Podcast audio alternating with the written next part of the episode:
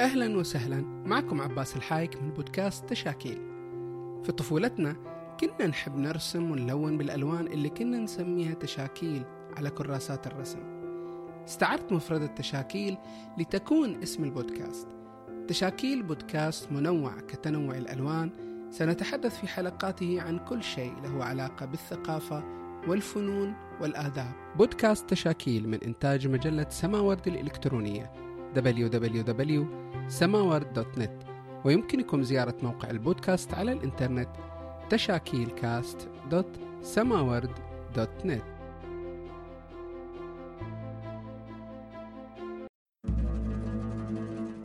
ضيفتنا ممثلة وحكواتية ومدربة مجموعات علاجية فلسطينية.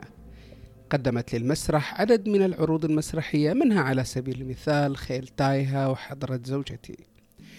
شاركت في عروض ال playback لمسرح الحرية الفلسطيني وهو شكل من أشكال مسرح الارتجال. ناشطة اجتماعية وحكواتية مستقلة تقدم حكاياتها للأطفال في المدارس والروضات وكان لنا معها هذا اللقاء مع حنين طربيه أهلا وسهلا الحكواتية الممثلة المسرحية حنين طربيه شو بتفضلي؟ القبك بالحكواتية أو الممثلة أو في كتير أشياء رح نعرفها أيضا يعني. أها. أه. بفكر إنه ممثلة وحكواتية أه يعني تسمية منصفة هيك لأنه أنا تقريبا أكيد في فترات بشتغل أكثر كممثلة وفي فترات بشتغل أكثر كحكواتية بس هن يعني هدول الشقين بالموضوع فنون الأداء هن اللي موجودات بشخصيتي. آه، والحاضرات دائما دائما إحنا نسأل في لقاءاتنا عن البدايات آه لنتعرف أكثر على شخصية الضيف. آه كيف بدأ شغف آه حنين بالمسرح بالتحديد؟ من من وين بديتي وكيف بديتي المسرح؟ أه بفكر أه يعني في أشياء اللي هي بتكون معانا بس إحنا لازم شوية أه كأنه نروق على حالنا لنكتشفها. أه صعب أجي أحط إيدي أو لا أشر على فترة معينة أو حدث معين أو إشي معين. آه، وصعب أجيبها كأنه سيناريو رومانسي وأنا طفلة لأنه بالنهاية وأنا بالمدرسة تخصصي كان علمي. بس دائما كان عندي ميول أنا كحنين. من وأنا طفلة لكل شيء بتعلق بالفن والأدب. آه، كان لإلي مساحة منيحة بموضوع الكتابة والإلقاء. كنت أكتب سواء نثر أو شعر وأنشر. وكنت فعالة في دائما في المدرسة بكل موضوع الإلقاء والعرفات والإذاعة المدرسية. ومن هناك بفكر شوي شوي آه، بلشت أحس قديش أنا عم بنجذب لهذا العالم اللي فيه آه، نوعا ما تعبير عن عن عن الذات أو عن الروح أو عن العوالم الداخلية. آه، كملت بالكتابة بس مع الوقت كمان حسيت إنه في كمان إشي ثاني عم بجذبني اللي هو فيه أكثر من آه، وسيط.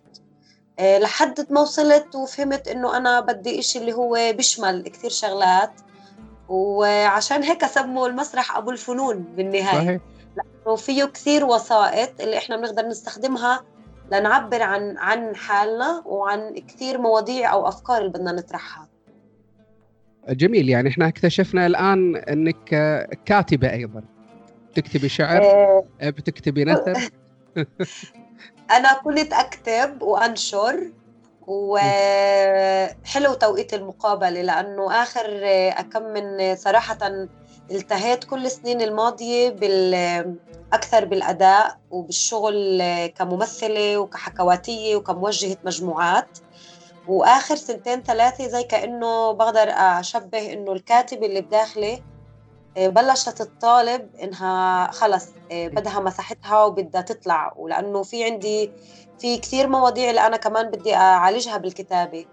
فعم برجع آخر فترة لموضوع الكتابة. كمان كنت في برنامج آه، الكتابة المسرحية مع مسرح الرويال كورت بالتعاون مع مؤسسة عبد المحسن القطان في فلسطين. فكمان رجعت على عالم الكتابة كمان من من من العالم مع المسرح يعني. رجعت عم بشتغل هلأ على مشاريع كتابة نصوص مسرحية اللي اللي أنا بدي أناقش فيها مواضيع معينة اللي بتعنيني. طيب أنا بسأل يعني عن الفارق ما بين الممثل والحكواتي. يعني إحنا أنا يعني كانت لنا تجربة في ملتقى الحكواتي آه، فشاركوا كثير من الممثلين لكنهم آه، اتجهوا آه، إلى إلى إلى التمثيل إلى المونودراما أكثر من اتجاههم إلى إلى الحكي أو الحكواتي. إيش الفارق ما بين الممثل والحكواتي وأنت لك التجربتين أنت حكواتية أه. وممثلة في نفس الوقت أه هذا سؤال دائما هيك بنطرح وبالورشات كمان أه مرات كأنه بيكون في هاي الخط الرفيع أو الشعرة اللي هي بين إنه إحنا آه نكون حكواتيين وبين إنه نتحول لممثلين ونلاقي التوازن بين آه، كيف أنا أوظف أدواتي كممثلة آه، بفن الحكي والعكس صحيح كمان أوظف أدواتي وملكاتي كحكواتية بأماكن معينة بالأعمال المسرحية. الفرق أول إشي لما قدامك الإشي بيكون ظاهر للعيان كثير بنحس بالفرق. بس بفكر أحد الفروق هي إنه آه، المسرح بالنهاية هو اللي بيميزه الآن وهنا إنه هو آه، عم بجيب لك إشي لما أنا بعمل شخصية آه، في المسرح في عمل مسرحي أو حتى المونودراما لأنه مرات آه إحنا بصير في شوية لغط بين المونودراما وبين عرض الحكواتي أو الحكي.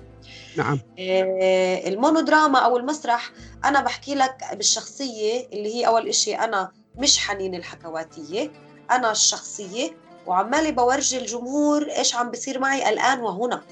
وهاي هي كأنه الكذبة والاتفاقية اللي إحنا بنتفق مع بعض عليها المؤامرة اللي الممثل آه، والمسرحيين والجمهور بتآمروا مع بعض على بعض عليها إنه إحنا هلأ الآن وهنا وبنفصل عن كل شيء. بينما الحكاية آه، أنا عم بحكي عم بحكي للجمهور حكاية. فأنا عم بحكي لن كان يا مكان أنا عم بحكي حكاية صارت. آه، أي نعم خلال الحكي آه، ممكن أتطرق للحظات كأنها هلأ عم بتصير. وهون أنا بجيب كأنه الإشي حاضر وبستحضر أدوات من عالم المسرح وأدوات من أدوات الممثل اللي عندي. بس بالنهاية الحكاية كلها صارت. فأنا بحكي حكاية صارت وما بوهم إنه في عالم الآن وهنا عم بصير. فبفكر هاي أحد الفروقات اللي كثير واضحة آه، بين المسرح وبين الحكاية هي الزمن. آه، الشغلة الثانية آه، هي موضوع الشخصية اللي قبالنا. هل في قبالي شخصية؟ حدا متقمص شخصية؟ ولا حدا حكواتي؟ الشخصية السائدة بالعرض هي شخصية حنين الحكواتية لنفرض إذا أنا عم بحكي حكايات. وخلال الحكاية ممكن أنا بجيب شخصيات مختلفة بالحكاية فممكن أنا بتقمص هاي الشخصية آه، بتبنى لغة جسدها آه، صوتها آه، بس أنا برجع لشخصية الحكواتية كل الوقت. أنا حلو. مش بشخصية واحدة من البداية للنهاية. في نظرة ضبابية عندنا إحنا في الوطن العربي حول فلسطين في الداخل. آه يعني الحياة الاجتماعية نوعا ما غير واضحة بالنسبة لنا وبالتالي الحياة الفنية أيضا أنا سؤالي حول المسرح الفلسطيني في الداخل. كيف هو؟ كيف وضع المسرح؟ ماذا تقدمون؟ نريد بعض الإضاءة من قبلك وأنت ابنة المسرح وقريبة جدا من هذه من عالم المسرح الفلسطيني. نريد بعض الإضاءة حول هذا المسرح. آه، أنا بفكر إنه إحنا أكيد في صعوبات وتحديات بكل مكان آه، بعالمنا العربي من ناحية المسرح وإنتاجات المسرح. بس بفكر إنه إحنا بوضع حتى نقول آه، بوضع منيح ممكن يكون أفضل وعم بتطور. وفي عنا خارطة منيحة من ناحية المسارح في الداخل آه، مع إنه أنا أنا بشتغل كمتعاقده حرة فريلانس مع كذا مسارح سواء بالداخل الفلسطيني أو في القدس أو في كمان في رام الله آه، جنين آه، بيت لحم بيت جالة في كثير بلاد عندنا وبالداخل في حيفا حيفا في الناصرة وفي كذا بلاد كمان يعني اللي فيها مسارح.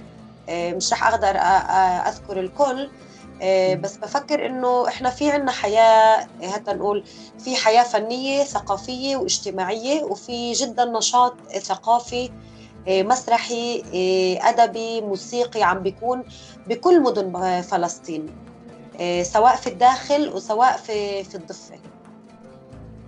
يعني أنا عم بحكي عن أنا حاليا عم بحكي معاكم بحكي معك أخ عباس من حيفا.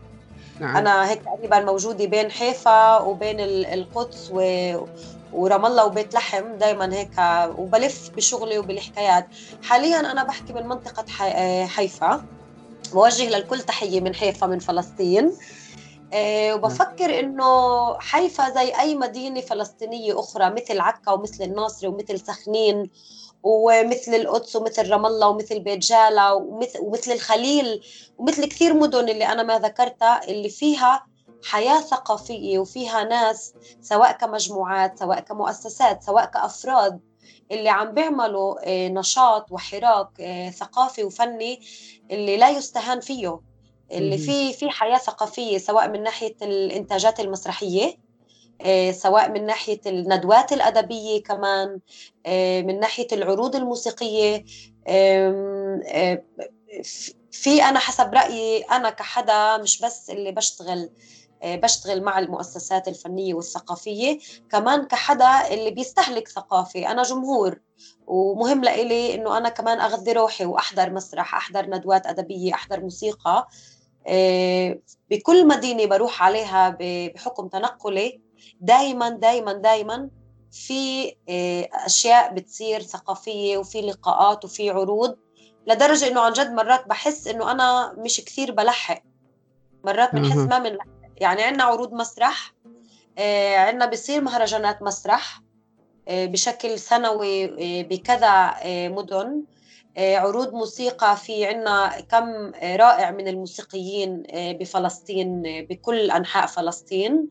نعم. آه حكواتي حكايات كمان في عنا حكواتيين في عنا آه، مهرجانات آه، مهرجانات للحكواتيين وفي حتى عنا مهرجانات كمان أفلام.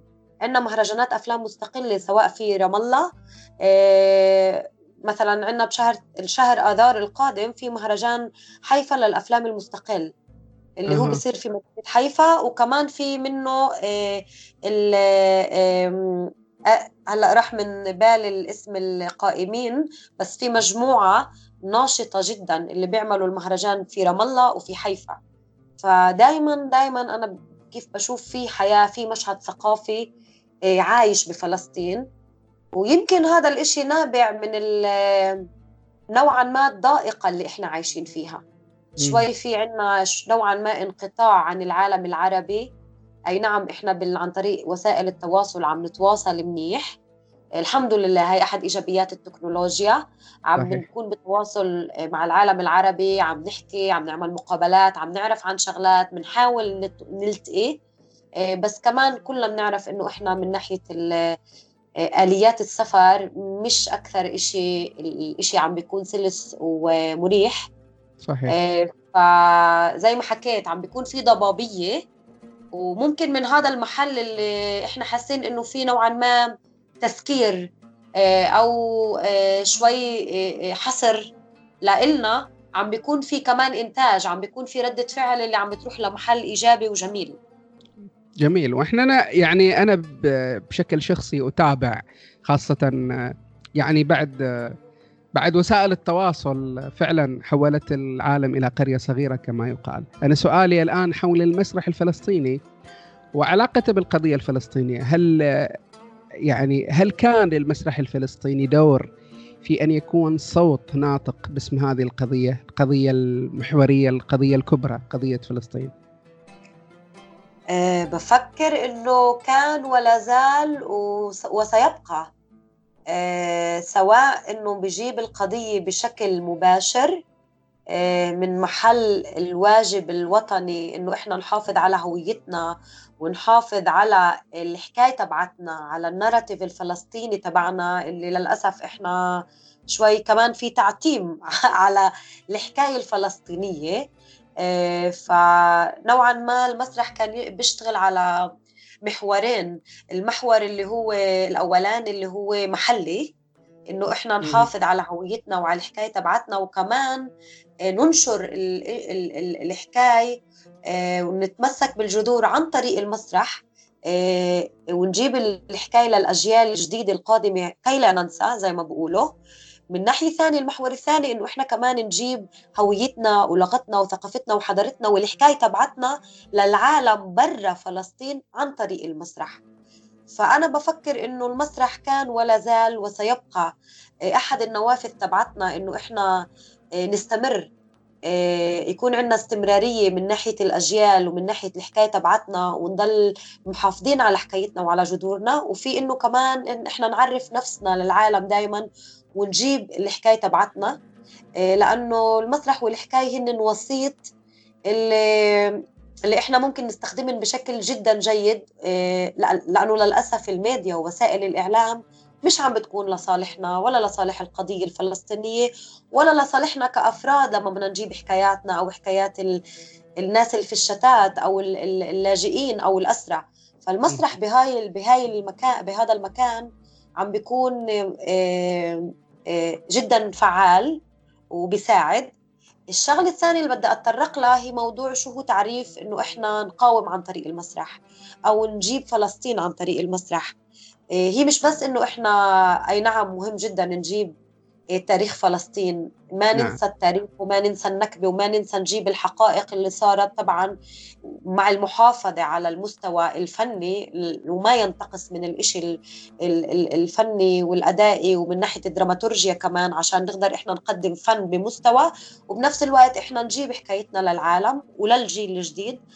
بس من ناحية ثانية إيه كمان بفكر أحد أنواع المقاومة إنه إحنا كفلسطينيين إيه نورجي ونتعامل مع الجانب الإنساني آه، البحث تاعنا نتعامل مع الحياة اليومية تبعتنا مع مشاكلنا كبشر مع أسئلتنا الوجودية كأي بشر عاديين بأي مجتمع كان اللي عنا الأسئلة تبعتنا وعنا المخاوف تبعتنا وعنا القضايا بالمجتمع نفسه اللي إحنا بدنا نطرحها وبدنا نحكي عنها. فكمان آه، بفكر إنه إحنا بنخدم آه، قضيتنا وبنخدم نفسنا كشعب وكمجتمع لما إحنا كمان نتعامل آه، مع الموضوع إنه إحنا كمان زي أي مجتمع ثاني بننتج فن وبننتج مسرح ممكن نجيب عن أي موضوع كان من من المحور تاع هات نقول الطرف السياسي المسرح المقاومي والمسرح السياسي لنوصل للطرف الثاني اللي هو آه، المسرح اللي هو بهدف التسلية المسرح الكوميدي اللي هدفه كمان إنه إحنا آه، المسرح بالنهاية كمان هدفه انترتينمنت تسلية إنه إحنا نعم. نجيب آه، عرض مسلي للجمهور كمان هي أحد وظائف المسرح آه يعني هو المسرح ممكن أن يكون آه، شكل من أشكال الاحتجاج وشكل من أشكال المقاومة آه. ويمكن أن يكون يمكن أن يكون شكل من أشكال الترفيه اللي بتحتاجه جميع المجتمعات خاصة آه. المجتمعات التي تقع يعني بيقولوا تحت احتلال أو تحت استيطان وغيره يعني مثل مثل فلسطين. تماما بالضبط. آه لك تجربة مع مسرح ال playback أو مسرح الارتجال. آه أنتم آه. كنتم أول من أدخل هذا النوع من المسرح إلى الوطن العربي. يعني هو لم ينتشر بشكل كبير على مستوى الوطن العربي. حدثينا عن هذه التجربة بالتحديد. آه مسرح ال playback هاي من ال من الأدوات أو من من المشاريع اللي أنا بس هيك أتذكرها آه، في عندي ابتسامة لأنه عن جد كانت عندي تجربة جدا جميلة ومميزة. إحنا بلشنا بفكر إذا أنا مش غلطانة بال 2012 أه بتأمل إني متذكر السنة صح؟ أه مع مسرح الحرية في جنين بمشروع اسمه باص الحرية. بلشنا مع مدرب يدعى بن ريفرز وكمان اجت جو سالاس اللي هي من المؤسسين لمسرح ال playback هي وزوجها جوناثان فوكس. كانت جو سالاس عندنا بفلسطين واخذنا معها تدريب وكملنا مع بن ريفرز اللي كان تلميذهن وكان مدرب playback. وبلشنا نشتغل في مسرح الحرية وعملنا أسسنا مشروع اسمه بالفعل كانت أول مجموعة playback في العالم العربي. وبمشروع باص الحرية إحنا كنا نتجول بمناطق مختلفة بفلسطين آه، وخاصة المناطق اللي هي آه، ترضخ تحت تحت تحدي يومي بسبب الاحتلال سواء آه، الجدار إنه الجدار الفاصل مارق الجدار الفصل العنصري مارق بالنص وماكل الأراضي سواء موضوع الاسرى وعائلات الاسرى سواء المناطق اللي هي بالشك بمواجهات مع الجيش الاحتلالي الإسرائيلي بشكل شبه يومي مثل قرى معينة النبي صالح قرى جنوب الخليل منطقة الأغوار في الأردن الفصايل. بوجه للكل طبعا هناك تحية لأنه عن جد بعيشوا بتحدي بمواجهة يومية مع جيش الاحتلال الإسرائيلي. هدم بيوت مصادرة أراضي منع أن يوصلوا لمصادر المياه. فإحنا كنا نوصل لعند المجتمعات. مرات كان يكون في كمان فعالية أو عمل تطوعي مع الناس في البلد. وكنا نجمع الناس ونعمل عرض بلاي نسمع الحكايات تاعونهن ونريد تمثيلها.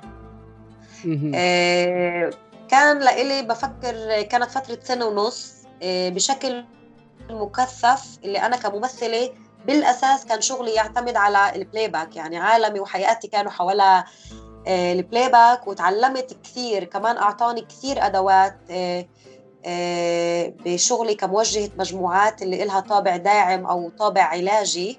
بالمراكز المختلفة فال playback هو هو كأنه في ثلاث دوائر متداخلات ببعض. في الدائرة اللي هي الفنية نعم. الدائرة المجتمعية والدائرة العلاجية. وال playback هو الجزء اللي فيه بتتقاطع الثلاث دوائر الفني والعلاجي والمجتمعي. يعني إحنا بدنا نكون واعيين المجتمع اللي رايحين آه، شو القضايا أو شو الحكايات اللي ممكن تطلع عشان كمان نكون إحنا جاهزين كممثلين آه، آه، كيف إحنا رح نتفاعل مع الحكايات ورح نعيد تمثيل الحكايات على المحل بدون ما نحكي طبعا وننسق بشكل مسبق. والشغله الثاني في الطابع العلاجي إنه إحنا هنا عم في حدا عم بشارك بحكاية شخصية لإله وإحنا عم بنعد له إياها قدامه. آه وفي كمان الطابع الفني إنه ما ينتقص ال ال آه إذا العرض مجتمعي أو علاجي ما ينتقص من الإشي الفني والسر إنه إحنا نقدر نلاقي التوازن بين هدول الثلاث الثلاث نقاط. آه، يعني أنت موجهة آه، مجموعات علاجية. آه، يعني هل تستخدمين المسرح إذا في في عملية العلاج؟ يعني أنا آه. أفس يعني أحتاج إلى تفسير إلى ال... إلى يعني هذه المهمة. آه، مهمة أو أخصائية مجموعات علاجية. أول شيء الجواب الأولي بالتأكيد بالتأكيد بستخدم هاي الأدوات. آه، بس بدي أحكي للشق عشان إحنا انتقلنا إسا شوي للشق المجتمعي وال فيه آه، آه، شغل مجموعات ودعم. آه، بفضل إنه نقول لها مجموعات داعمة اللي في لها طابع علاجي. أنا إلي عندي خبرة 12 سنة شغل بتوجيه المجموعات مع مكاتب الشؤون الاجتماعية المختلفة بالأساس بمنطقة القدس وضواحيها. آه، المراكز المختلفة البيوت الدافئة وبالأساس أنا موجهة مجموعات بس بالأساس الطابع العلاجي بالشغل مع مجموعات النساء خاصة عندنا النساء والفتيات في ضائقة وكمان الشبيبة في ضائقة. الشغل المجتمعي آه، بتقسم هيك في العمل اللي فيه آه، تدريب بحث إنه أنا بشتغل مع مجموعات عشان أكسبهن أدوات معينة في مجال معين سواء مع آه، مجال آه، المسرح التفاعلي اللي هو مسرح ال playback إعادة التمثيل أو مسرح المضطهدين تاع أغوستو بوال. أو في مجال كمان الحكاية الحكاية وسرد القصة آه، وفي كمان عند بشتغل مع طواقم تدريسية ومعلمين بالبداية إحنا بنشتغل على على شخصية المعلم وبنشتغل على إحنا كيف نكتسب أدوات على لتطوير الذات والوعي الذاتي ونطور الذكاء العاطفي والتفكير الناقد. بعدين بننتقل كيف إحنا نكتسب أدوات كمعلمين من عالم الدراما ونستخدمها في مجال التعليم. وفي الشغل بالمجموعات اللي هي مجموعات مغلقة اللي أنا مثلا أجيب مثال أنا ما بحط عندي على الشغل عن شغلي آه، زي ما بحط عن العروض أو بحط على الصفحة لأنه الشغل بمجموعات مغلقة في خصوصية والشغل بحت يعتمد على آه، آه، أدوات من عالم المسرح والدراما السايكودراما العلاج بالدراما وعالم كل ما كل ما يعني بتخصص بعالم العلاج والنفس بربطه مع عالم الدراما آه، آه، والفن. فبالمجموعات الداعمة اللي إلها طابع علاجي أنا بستخدم في كوكتيل معين اللي هو نتيجة شغل السنين اللي أنا طورته لأنه بلشت أشتغل كموجهة مجموعات بلشت أشتغل كمعالجة آه، بكل ما يتعلق بموضوع العلاقة مع الجسد والتصور الجسدي وتأثيره على التصور الذاتي. ومع الوقت بلشت أنا أتبنى آه، الأدوات من عالم المسرح والدراما من خلال آه، تجربتي وتطوري والتدريبات اللي أخذتها بحكم كمان تعليمي ودراستي للماجستير وكمان التدريبات اللي أخذتها من مدربين من بلاد مختلفة بالعالم بمجال المسرح المجتمعي. فالثلاث محاور هن الأساسيات مسرح إعادة التمثيل آه، مسرح المضطهدين أو آه، في بلاد بسموه مسرح المقهورين اللي هي التقنية اللي أوجدها آه، أغوستو بوال. في البرازيل. وفي تقنية الحكايات الشغل على ال personal narrative على حكايتي الشخصية وكيف أنا أحكي حكايتي الشخصية. ففي ثلاث محاور اللي هن من ناحية فنية وكمان علاجية ومجتمعية بشتغل فيهن بالإضافة لأدوات من عالم العلاج ومن عالم توجيه المجموعات وعالم حلقات الإصغاء آه، وكمان التدريب على آه، تمارين التركيز التنفس والاسترخاء. يعني في كوكتيل معين اللي بالنهاية هي لوحة ملونة صعب الواحد يجي يحكي إنه بس بستخدم هذا الإشي. بس الثلاث محاور الأساسية هن اللي عم بيكونوا حاضرات بشغلي بالمجموعات الداعمة اللي لها طابع علاجي. خال خال شبيكي يا بنيتي شبيكي يا بنيتي طلعت يوم مع شجرة التوتة هرتوت الأربعات انكسر الغصن وقعت على الأرض. شبي دراعك يا بنيتي أقول لك يوم طلعت وين عليكي يا خال هذه دراعك مكسورة.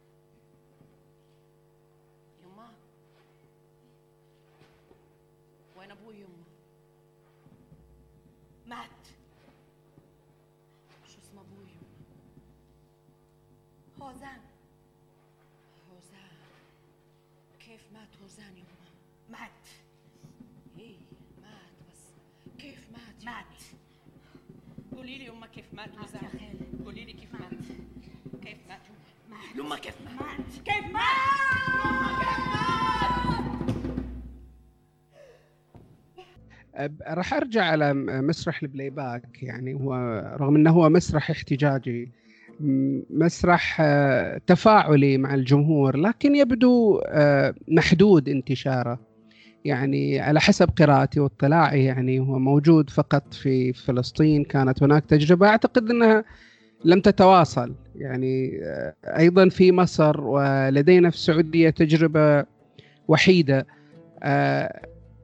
يعني بهذا الشكل من المسرح الاحتجاجي لماذا لم ينتشر؟ خاصة أن الدول العربية كثير من الدول العربية تحتاج لهذا الشكل من المسرح.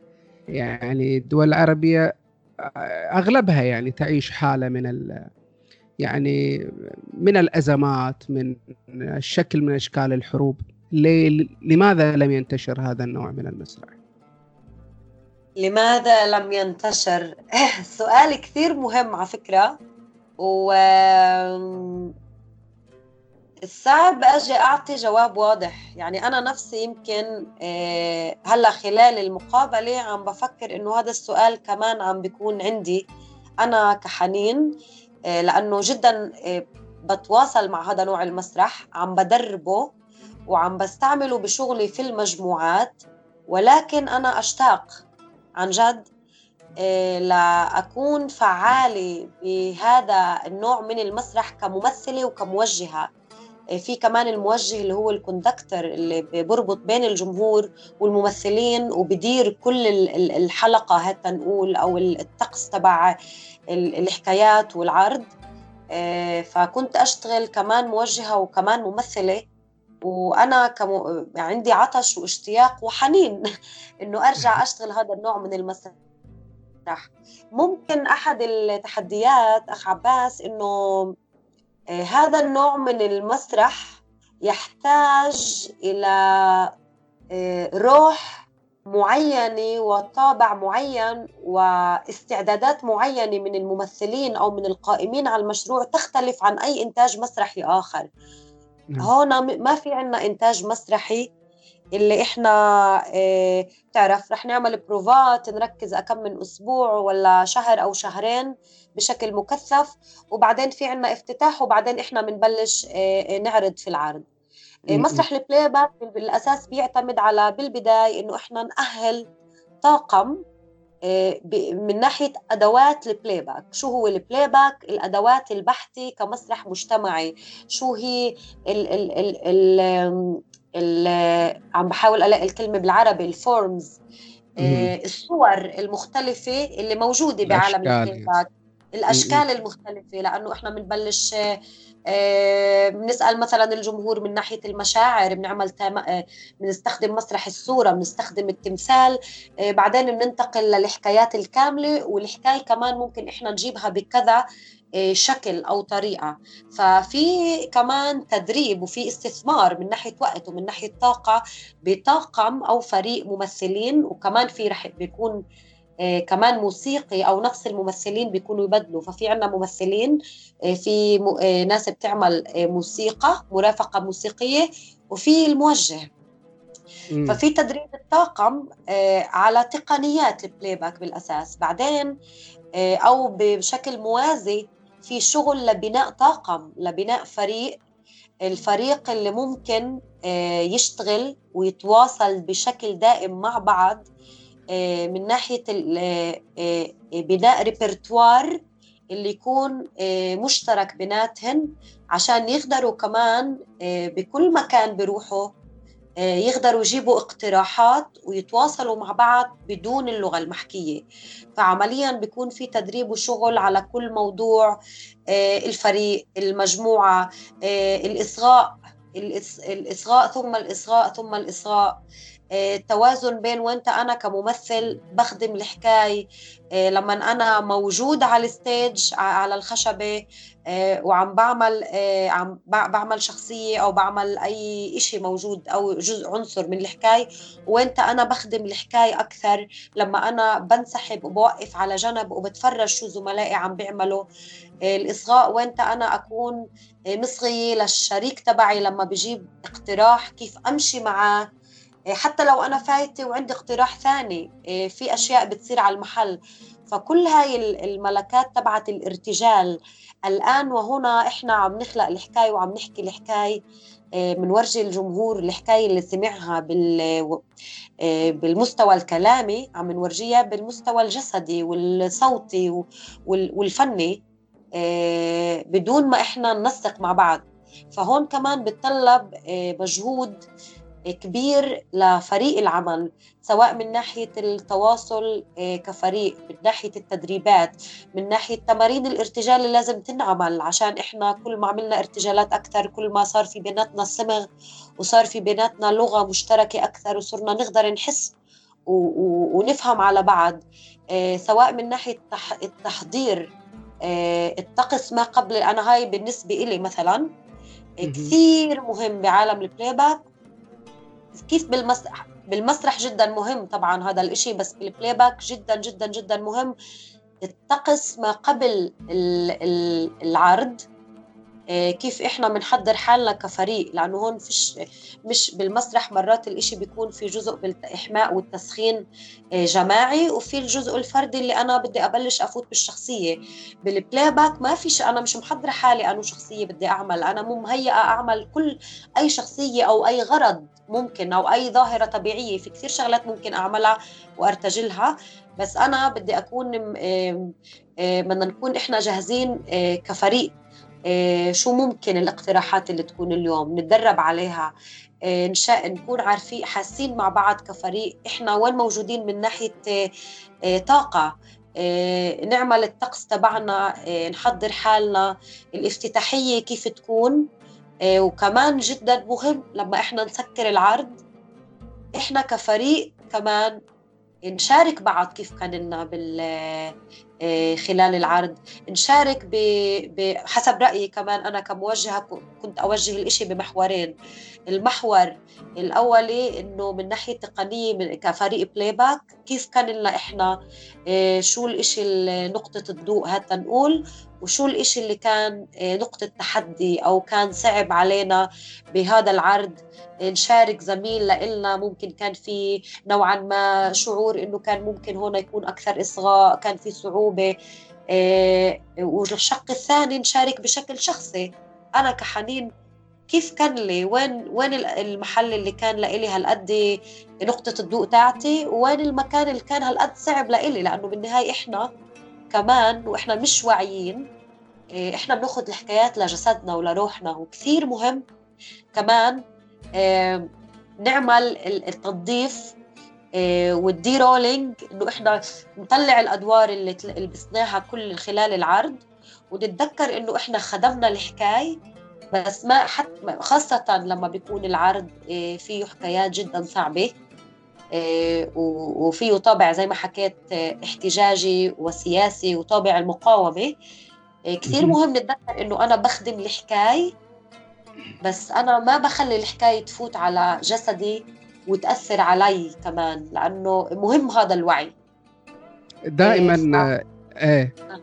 اكملي اكملي اللي كنت بدي أحكيه إنه هيك شوي أنا واضح قد إيه عندي شغف وبحب عالم ال playback لدرجة إنه هيك حسيت إني شرحت واسهبت في الشرح. صحيح. نتيجة كل هاي المتطلبات علشان ينعمل playback بشكل عن جد صح وصحي كمان للمجتمع اللي إحنا عم بنقدم له إياه وكمان إلنا إحنا كفريق كممثلين وموسيقيين وكموجهين آه الإشي بيتطلب كل هذا المجهود. فعمليا هون في عنا مجهود مجهود كبير وفي عنا كأنه ongoing process في سيرورة مستمرة لا تتوقف من الشغل على الذات من التطوير آه، بشكل شخصي وذاتي وكمان بشكل مجموعة بشكل فريق. فعمليا في شغل كل الوقت على على شخصيتنا وعلى وعلينا كمجموعة.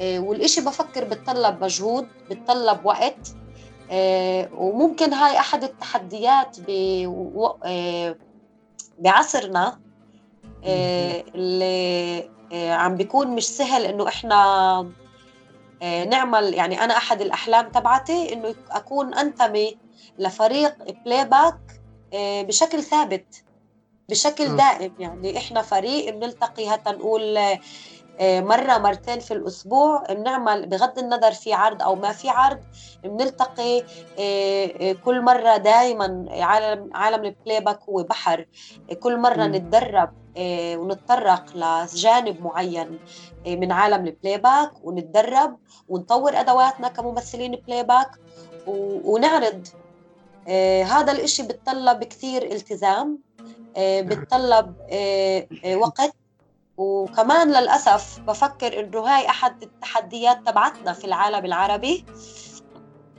اللي بقدر أقوله عن العالم العربي بقدرش بعرفش عن باقي الدول. ممكن كمان بأوروبا في دائما آه، آه، التحدي الاقتصادي والعامل الاقتصادي كمان بفرض نفسه. شئنا أم أبينا آه، العامل الاقتصادي كلياتنا بدنا نشتغل وبدنا نعيش وكمان بدنا نعمل فن. فبفكر إنه النقص في إنه المؤسسة أو الحكومات أو وزارة الثقافة آه، ما ما عم بتمول أو تدعم هيك مشاريع آه، عم بخلي إنه هيك مشروع قيم ومهم جدا للمجتمع بكل المجتمعات وخاصة أنا شفت النتائج وشفت الشغل على مدى سنة ونص لمجتمعنا الفلسطيني عم بخلي إنه الإشي يكون آه، يصير وبعدين يوقف وممكن بعدين يرجع آه، لفترة مؤقتة وبعدين يرجع آه، يوقف. والهدف إنه إحنا الرؤية تبعتنا إنه إحنا نقدر نحصل على تمويل لهيك مجموعة. اللي عن جد هاي المجموعة تقدر تكون طبعا مع الوقت بصير كمان العروض تجيب مردود ماد مالي لما في مؤسسات تدعو العرض وتدفع.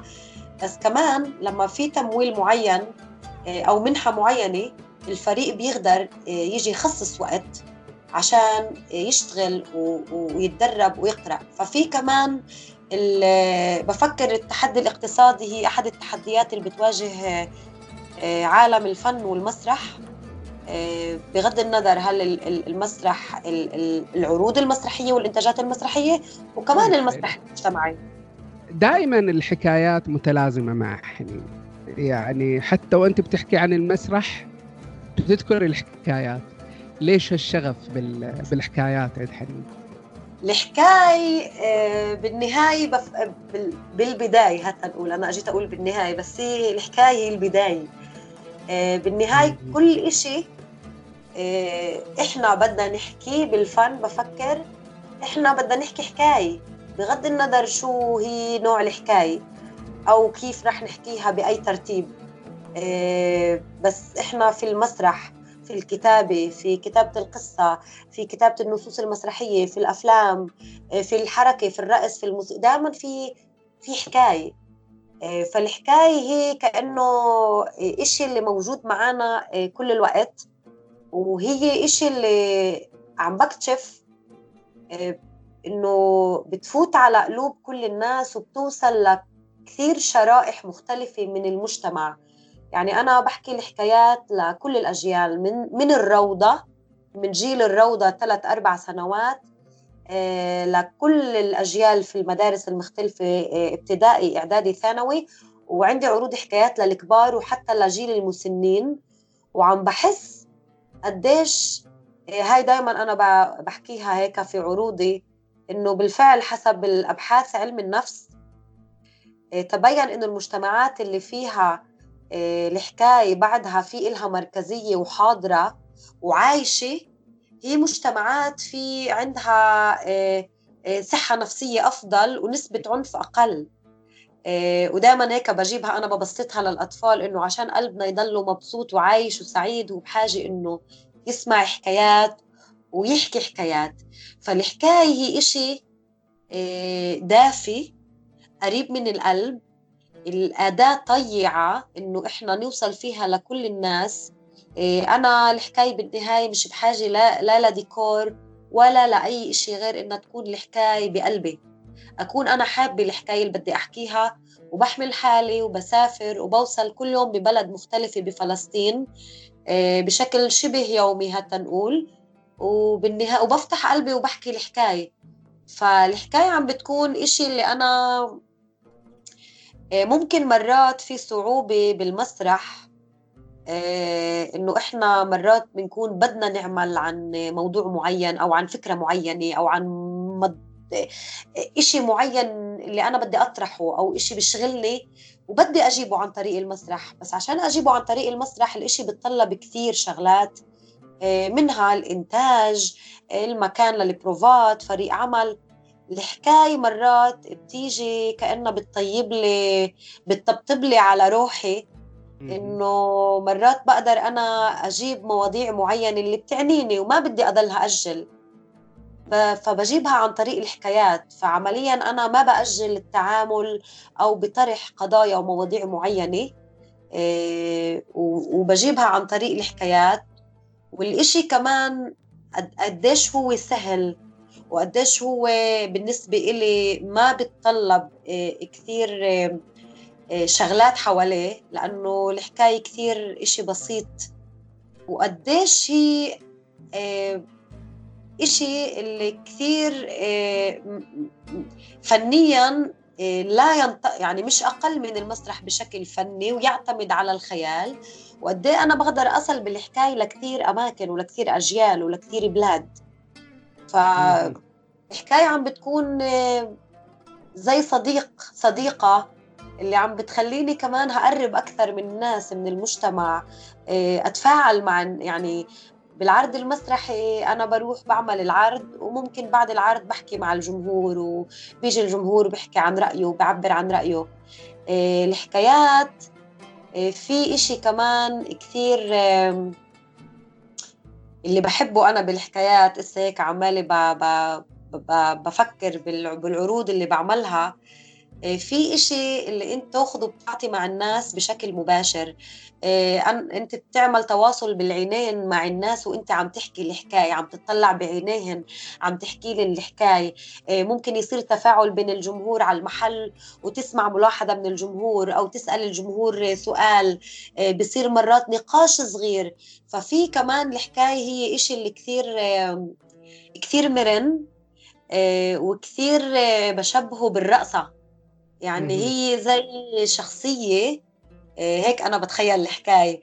آه، الحكاية هي امرأة جميلة آه، أيوة. الجمال القوي. هذا الجمال القوي اللي ما بلبي مقاييس الجمال تبعت المشت... تبعت ال... شو الميديا عملت من ناحية استهلاكية ورأسمالية شو لازم. لا الجمال القوي اللي فيه تواصل مع الطبيعة تواصل مع الأصل تواصل مع التاريخ مع الجذور اللي بتجيب الفرح وبتجيب المشاعر وبتخلي الناس يتواصلوا مع مشاعرهن. آه، وهي الشخصية كثير ملونة نعم. وكثير بترقص بين الناس كأنه وبتخلي الناس ترقص معاها.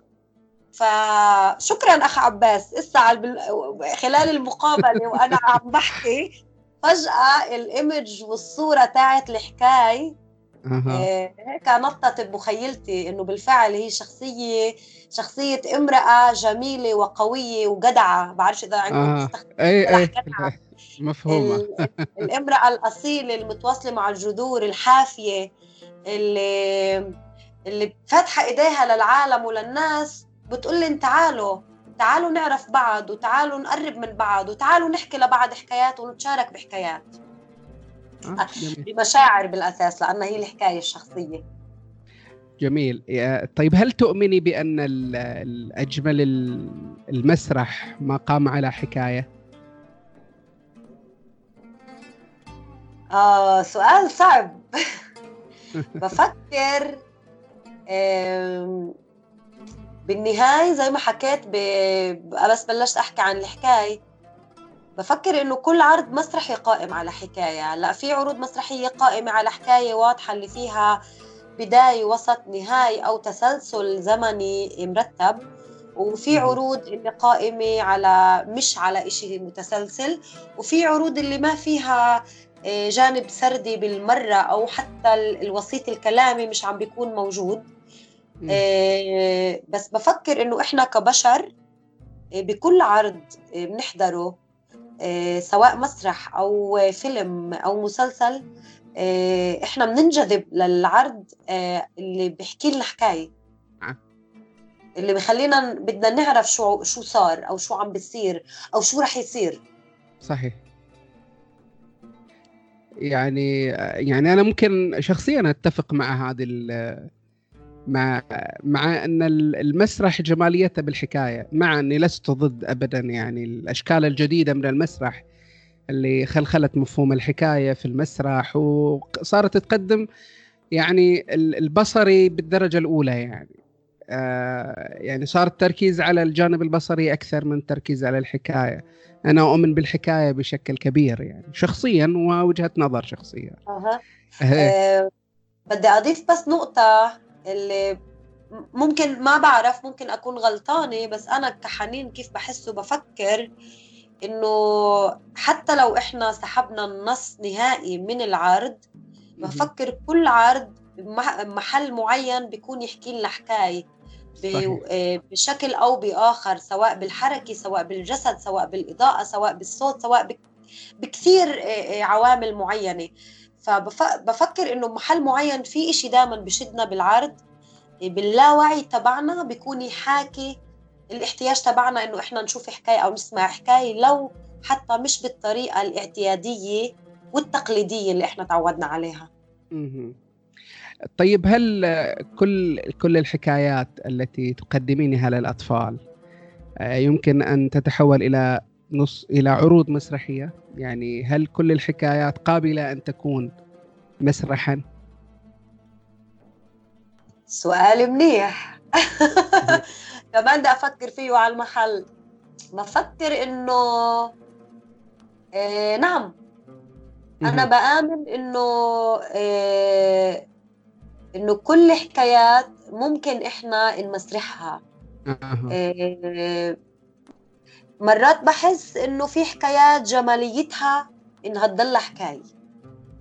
ولكن آه، في حكايات وهاي تجارب اللي يعني من آه، كل الوقت بتصير طبعا إنه إحنا مثل ما بناخذ أي قصة أو أي رواية وبنعملها دراماتورجيا وبنحولها لنص مسرحي كمان إحنا أي في كثير أعمال خاصة أعمال الأطفال وكثير من أعمال الأطفال مبنية أصلا على حكاية أو نعم. قصة اللي أخذت وتم العمل عليها وتحويلها آه، لنص مسرحي فأكيد آه، دائما في آه، هاي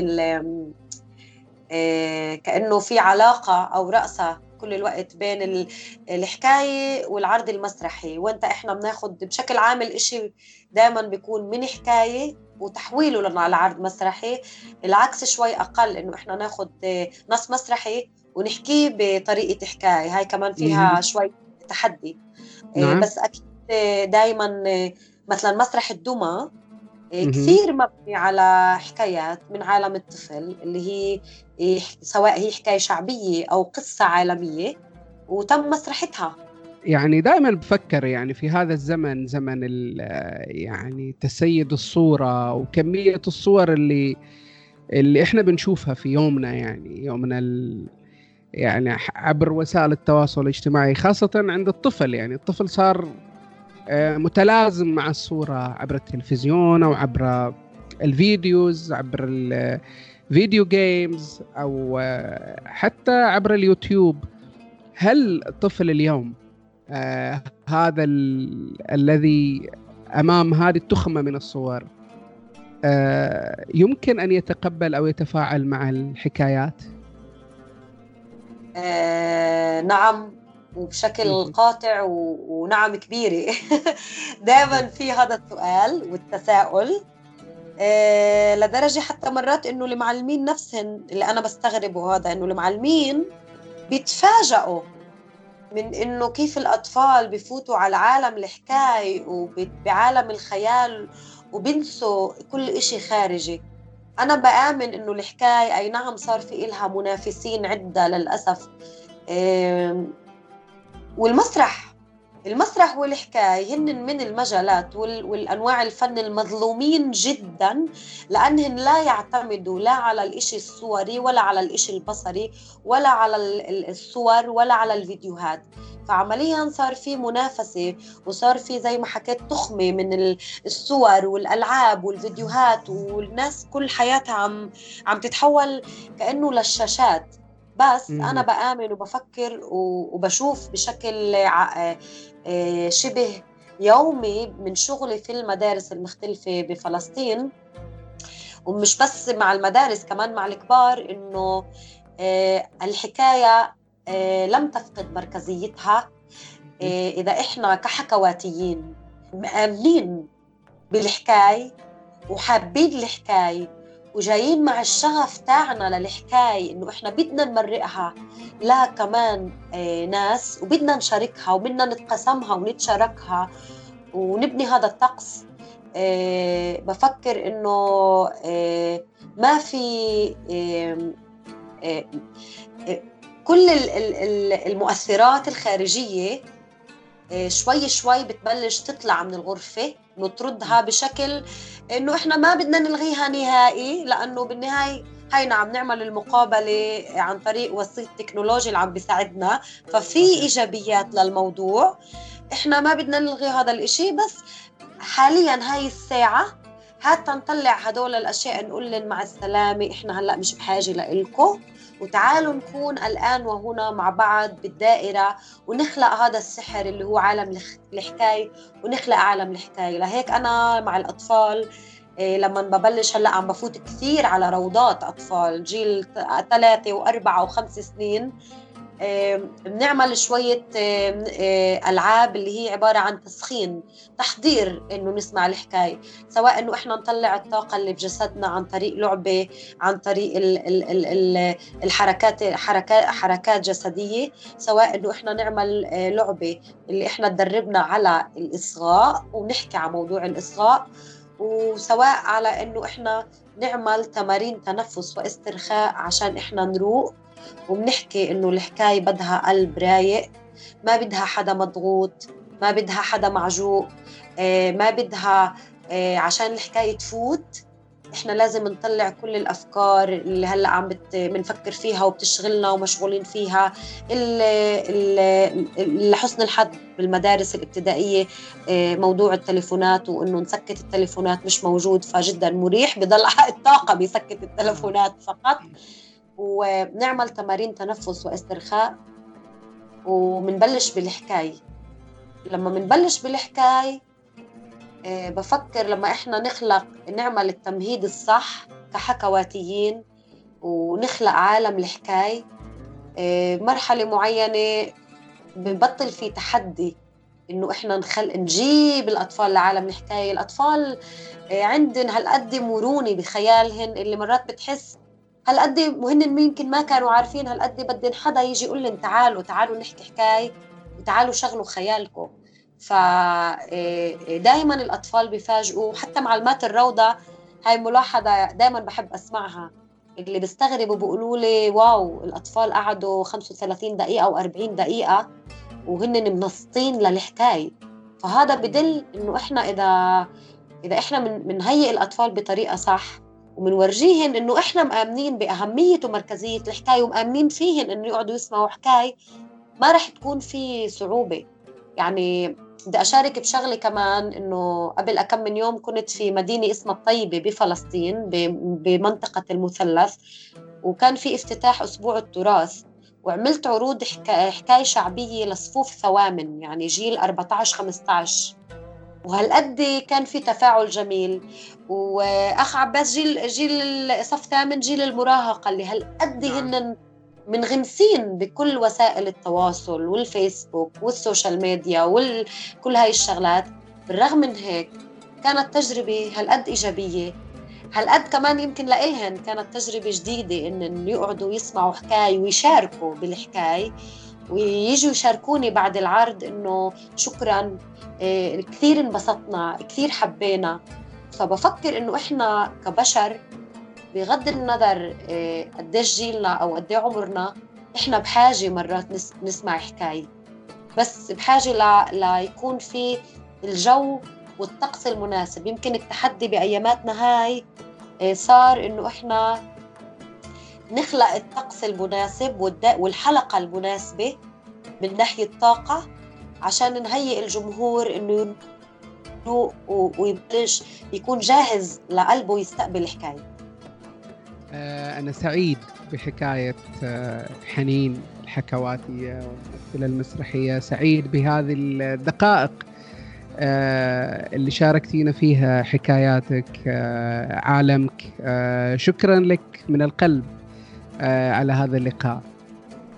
آه، شكرا لك أخ عباس وأنا جدا جدا سعيدة بمشاركتي آه، بالمقابلة للأشياء المختلفة يعني عن المسرح عالم الحكاية وعالم كمان مسرح ال playback والعمل آه، المجتمعي مع المجموعات الداعمة.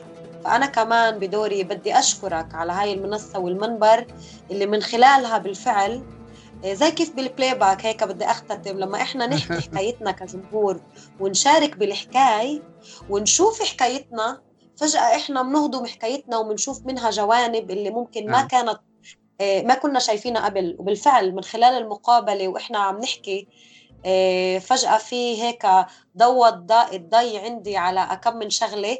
ومنها على فكرة بحب أشكرك عن جد الإيمج والصورة تبعت الحكاية.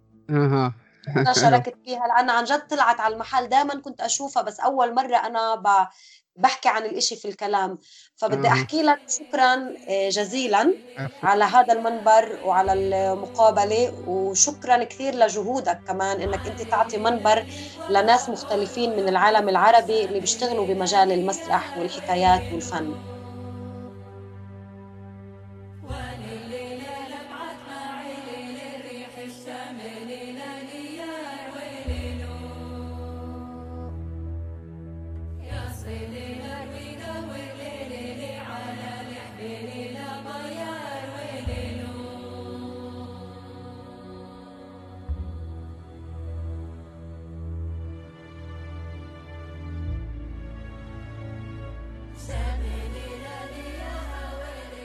البودكاست يحتاج لدعمكم بنشر الحلقات عبر وسائل التواصل والاشتراك وتقييمه في ال iTunes وال SoundCloud. وأي ملاحظات أو اقتراحات راسلونا على الإيميل.